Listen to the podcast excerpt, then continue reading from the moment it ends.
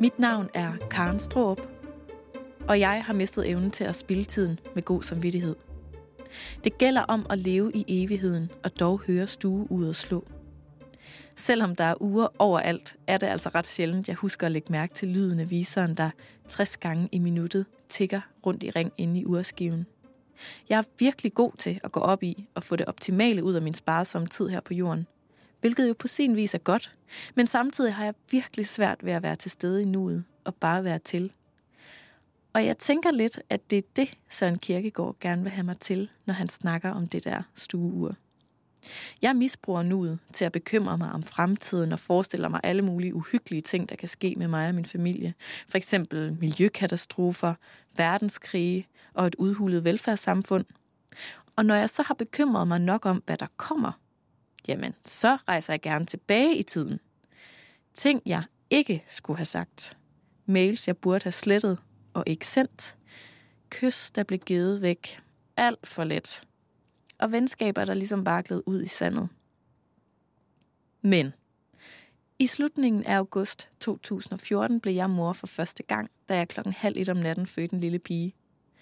Det har på mange måder virkelig været lidt af en øjenåbner. For det her lille menneske kræver mit nærvær på en måde, jeg aldrig har oplevet før. Hun forlanger, at vi bare skal være til i hinandens selskab – og har på den måde vist mig, at man sagtens kan spille tiden på en egentlig ret hyggelig og også nødvendig måde. Og det har fået mig til at tænke. Vi bilder os selv og hinanden ind, at alting varer evigt, mens vi spæner rundt med ur, skridttæller og døden lige helene. For intet varer evigt, og om lidt bliver der stille. Om lidt er det forbi, som Lune Larsen synger. Og det er jo nok derfor, at tiden er blevet så vigtig for os. Inderst inde ved vi jo godt, at den slipper op en dag. Og så er det pludselig for sent at få set alt det, vi ville. Og få hørt den der melodi. Fordi tid er blevet det mest dyrebare, vi har. Vores vigtigste ressource. Kan jeg godt frygte, at vi glemmer at stoppe op og spille tiden. Bare lidt. Og ikke mindst, hvad det gør ved os. Så det har jeg sat mig for at undersøge. Det er ideen med den her podcast. Velkommen til Spiltid. Pauser er mange ting. Pauser kan være en effekt, man bruger retorisk, når man vil få noget til at virke som havende en særlig betydning. Den her udsendelse har jeg dedikeret til tidsbegrebet pausen. Stemmen, du lige hørte, tilhører filosof Malene Trok Hempler, og det, hun beskriver, er en af mine personlige favoritter. Kunstpausen. Slår man ordet pause op i den store danske encyklopædi, står der Citat. Pause.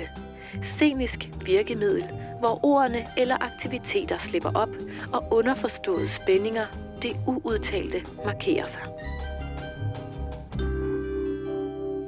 Jeg er mega fascineret af mennesker, der tør holde lange kunstpauser, når de taler. Det er iskoldt og enormt magtfuldt. Lidt ligesom en stigerkonkurrence. Pausen kan hurtigt blive ret akavet, og formår du at fastholde stillheden igennem den stemning uden at tabe ansigt, så har du for længst forført dit publikum. Et godt eksempel er tidligere tv- og radiovært, og nu programchef på Radio 24 Michael Bertelsen. Hvad er en, øh, en god pause for dig?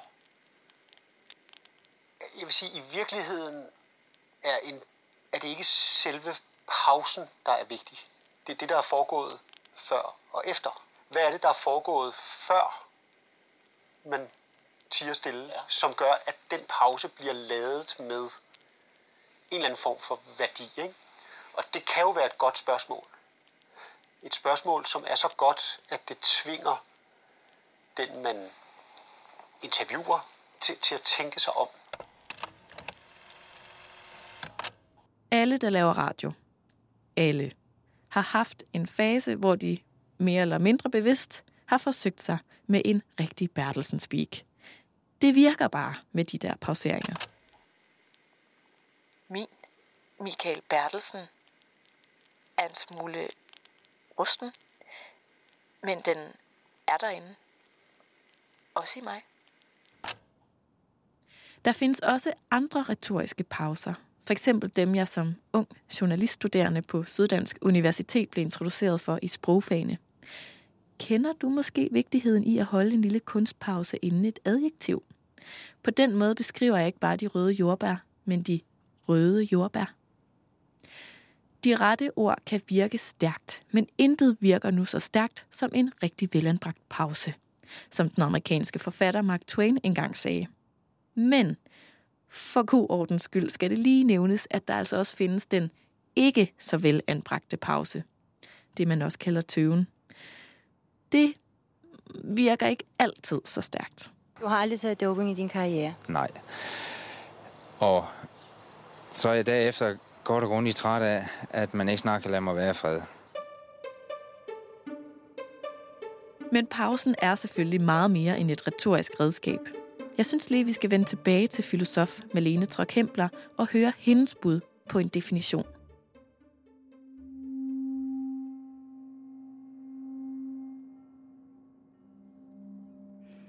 Pauser kan også være både frivillige og ufrivillige pauser. Og der tænker jeg umiddelbart, at de frivillige pauser, det er dem, vi længes efter. Det er dem, vi tænker, ah, så skal jeg rigtig holde fri og bare være. De er ligesom knyttet til den der rene eksistens, hvor man bare sådan er i overensstemmelse med verden og med sig selv. Og så er der alle de ufrivillige pauser. Det er, når vi skal vente på noget, som vi ikke vil vente på. Det er, når livet på en eller anden måde spænder ben for os, og vi skal stoppe op, selvom vi ikke har lyst til at stoppe op.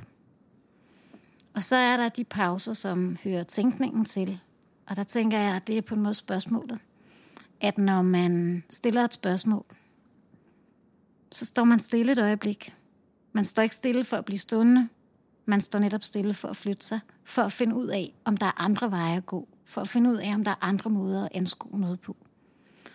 Øhm, og der kommer jeg til at tænke på Sartre, som øh, i sit værk Væren og Intet skriver om øh, spørgsmålet, hvor han siger, at spørgsmålet er det, man kan svare ja eller nej til.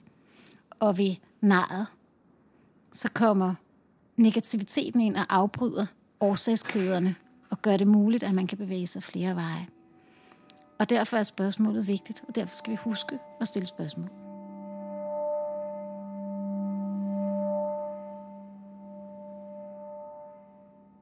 Ofte så er pauser jo noget, som netop flytter os, og derfor ser man også i, tænker jeg ofte i politisk kommunikation, at man har meget travlt med at undgå pauserne. Man har meget travlt med at fylde tiden ud, fordi pauser er kontroltab.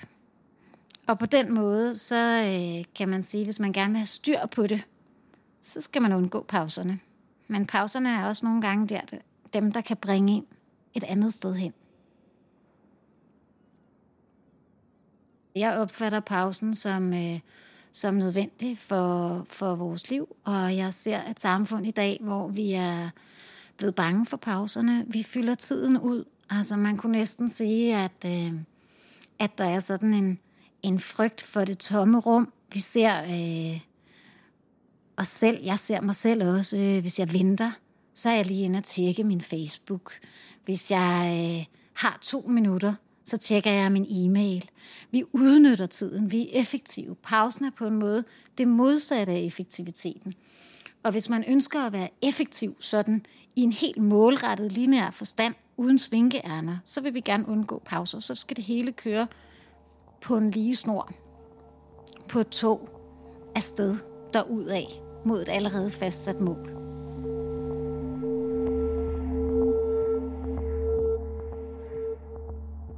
Jeg snakkede lige med en øh, veninde for nylig, og vi havde bemærket, at øh, på P3, som jeg ikke hører ret meget, men jeg hørte det lige glemtvis, og at øh, der har de simpelthen, øh, i hvert fald lige der, hvor vi havde hørt det, det havde hun også, øh, der har de simpelthen lagt underlægningsmusik på talen. Altså det vil sige, at når deres værter talte, så var der simpelthen musik i baggrunden ganske lavt. Og det er jo den her frygt for, ikke at fylde tiden ud, for at der skulle være et øjeblik, hvor vi kedede os, et øjeblik, hvor vi ikke var underholdt. Og hele underholdningsindustrien, kan man jo sige, i høj grad lever af at, at udfylde den her frygt for at, øh, at forsvinde i noget, der ikke er noget. Så vi lever i et samfund, der på en måde er lidt bange for pauser.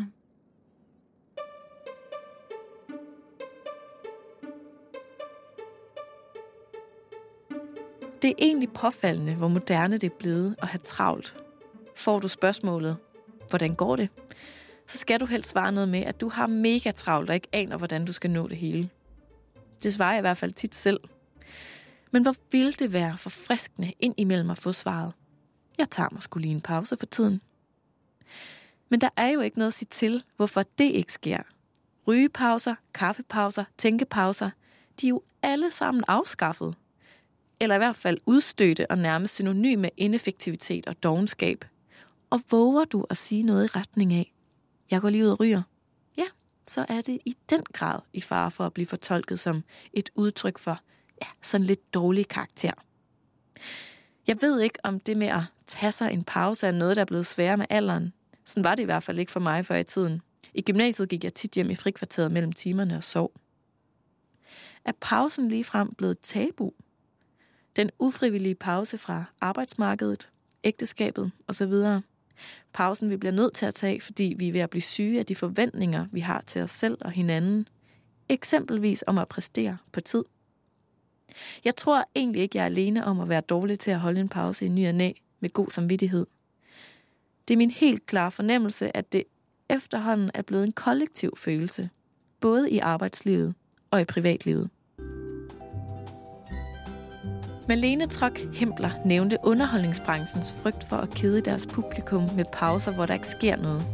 Et eksempel på en pause, der er fyldt ud med noget, er tiden mellem programmerne på tv. En sætning som den her. Nu er der mega fredagshygge for børn, og hvis voksne skal tale, så skal de gøre det stille. For nu er der Disney Show. Lige præcis på tv er jeg ikke så sikker på, at en pause helt uden indhold vil fungere særlig godt. For at finde ud af det har jeg snakket med kvinden bag stemmen, du lige hørte, og som du garanteret har hørt før, for at finde ud af, hvad det vil sige at lave en rigtig god pause på tv. Stemmen tilhører kanalspeaker på DR1, Susanna Rankenberg.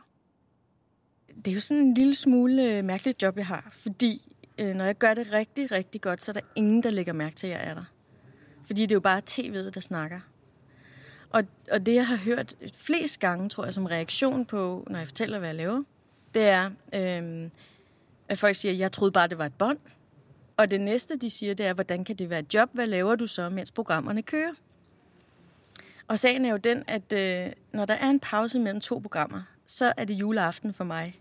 Fordi det er der, det eneste en speaker tænker på, det er, hvor kan man kilde sig ind og komme til at sige noget. Altså, er, er der ikke grænser for, for eksempel, hvor friskt det kan blive, jo. eller hvor, hvor tørt det kan blive? Altså, hvad, hvad, hvad har du overvejelser der i forhold til at lave en god pause?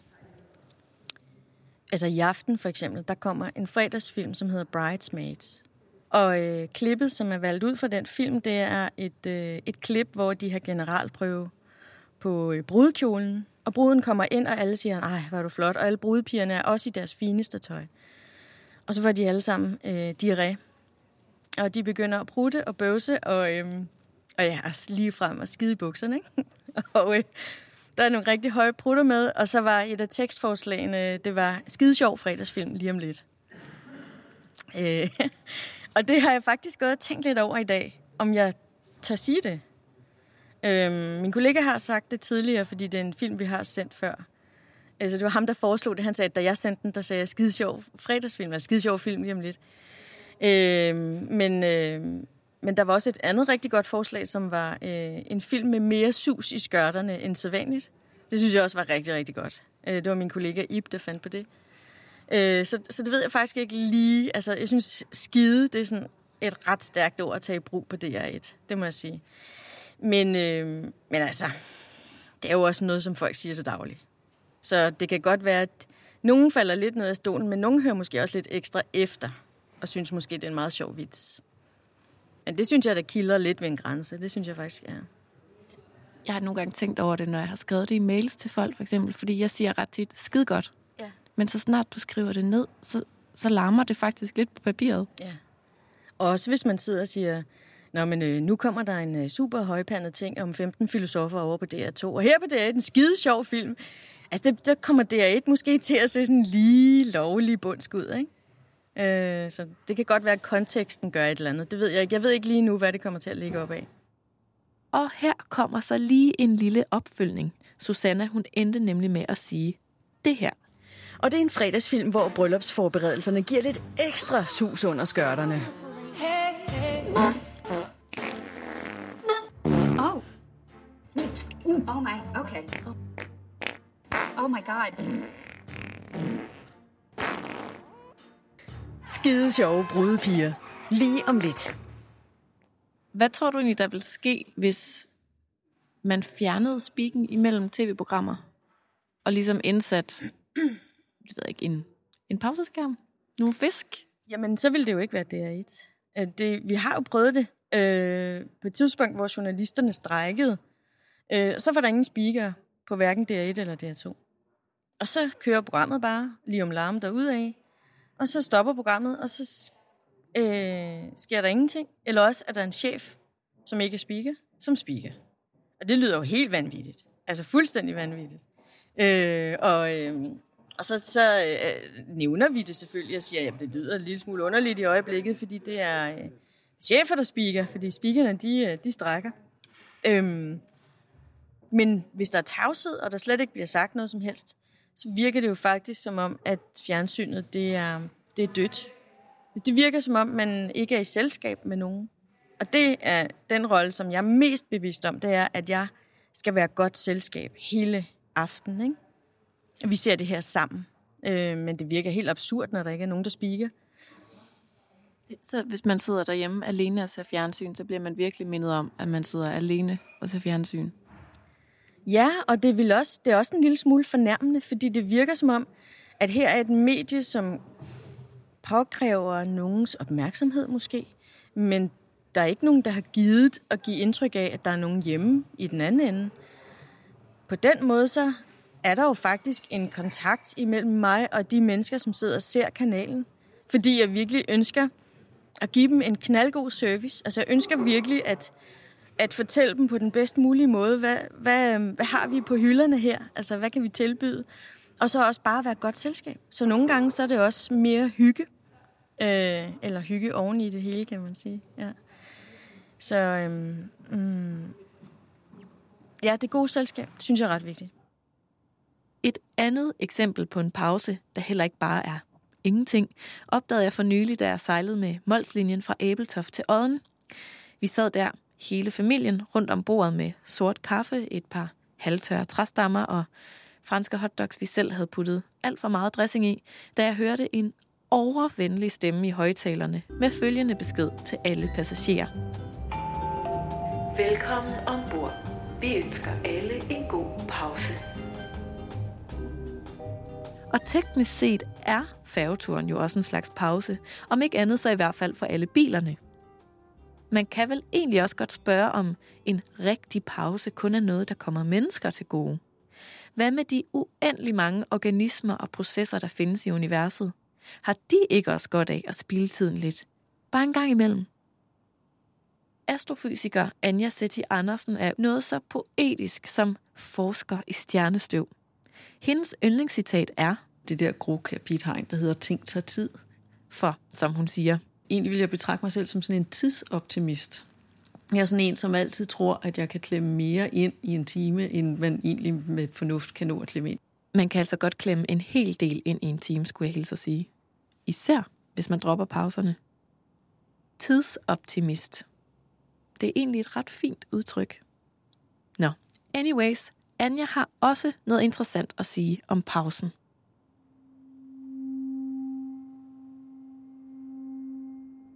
I astronomien, der, der kan man egentlig sige, at, at man har jo nogle korte tidspunkter, eller, hvor, hvor der sker rigtig meget. Det kan for eksempel være, altså hvor stjerner har en hurtig udvikling og ændrer sig enormt meget.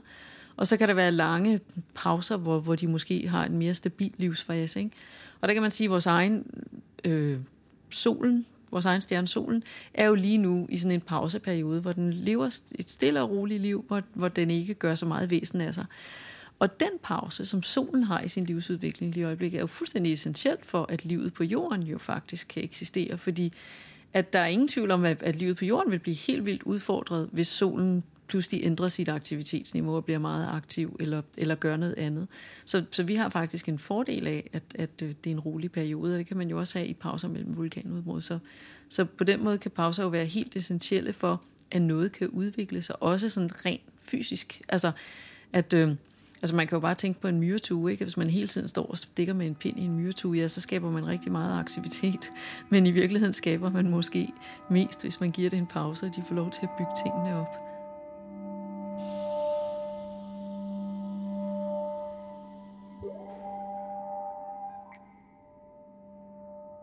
Altså i, i, i virkeligheden, så tror jeg som mennesker, at vi skal, vi skal lære, at øh, når der er sådan en pause, så er det rigtig godt for os. Altså, at jeg tror, at en væsentlig grund til, at vi har haft den udvikling, som vi har haft som mennesker de sidste 10.000 år, det skyldes, at der i virkeligheden har været en lang, rolig pause i jordens øh, klimaudvikling, hvor vi har været enormt privilegeret, at klimaet har været enormt stabilt i en meget lang periode. Og når vi prøver at lave målinger øh, på iskerner og i øh, havbundskerner og sådan noget, hvor vi kan prøve at kortlægge klimaet tilbage i tiden, så ser det faktisk ud som om, at det her er den længste pause, øh, vi har haft i, i, øh, i lang tid, i, i nyere tid øh, på jorden. Og det tror jeg har været vigtigt for, at, øh, altså, at hvis man ikke har pauser i, hvordan klimaet forandrer sig, så, så giver det ingen mening med at bruge for eksempel. Vel? Fordi så vil høsten ikke blive en rekordhøst fra år til år, så vil den simpelthen slå fejl fra år til år, og så kommer vores hverdag jo mere til at handle om, hvordan får jeg mit næste måltid. Øh, og så bliver der i hvert fald ikke tid til at dvæle ved pauserne og sidde og tænke de store tanker om, hvad må der sker øh, ude ved Andromeda-galaksen, fordi at, at vi har jo et behov, der hedder, at vi skal have noget mad, som, som jo kommer før, at vi kan nå at, at, at sidde og tænke store tanker.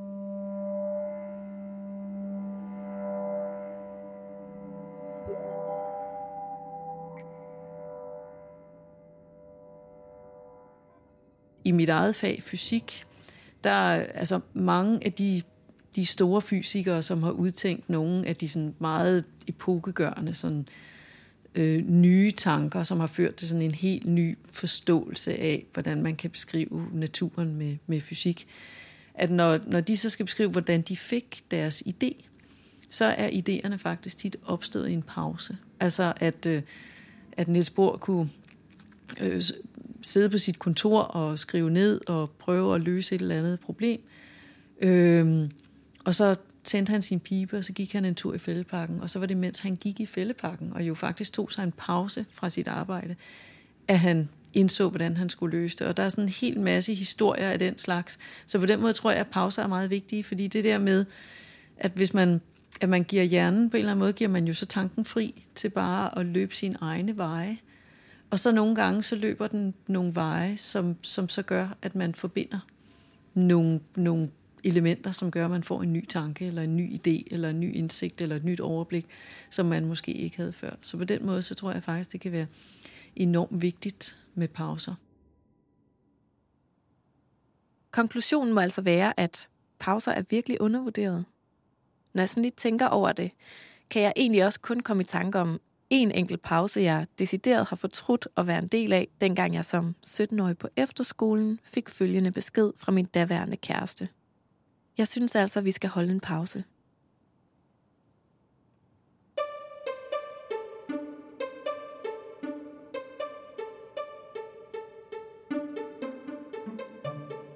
Du har lyttet til allerførste episode af podcasten Spiltid der blev spillet klip fra tv-programmet Fokker med din hjerne, TV2 Sporten og DR1.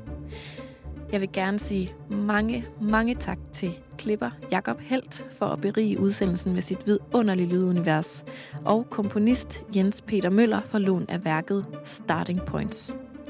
Mit navn er Karen Stråb. Tak fordi du lyttede med. Jeg håber, at du fik noget ud af det, og ellers beklager jeg virkelig, at jeg har spildt din tid.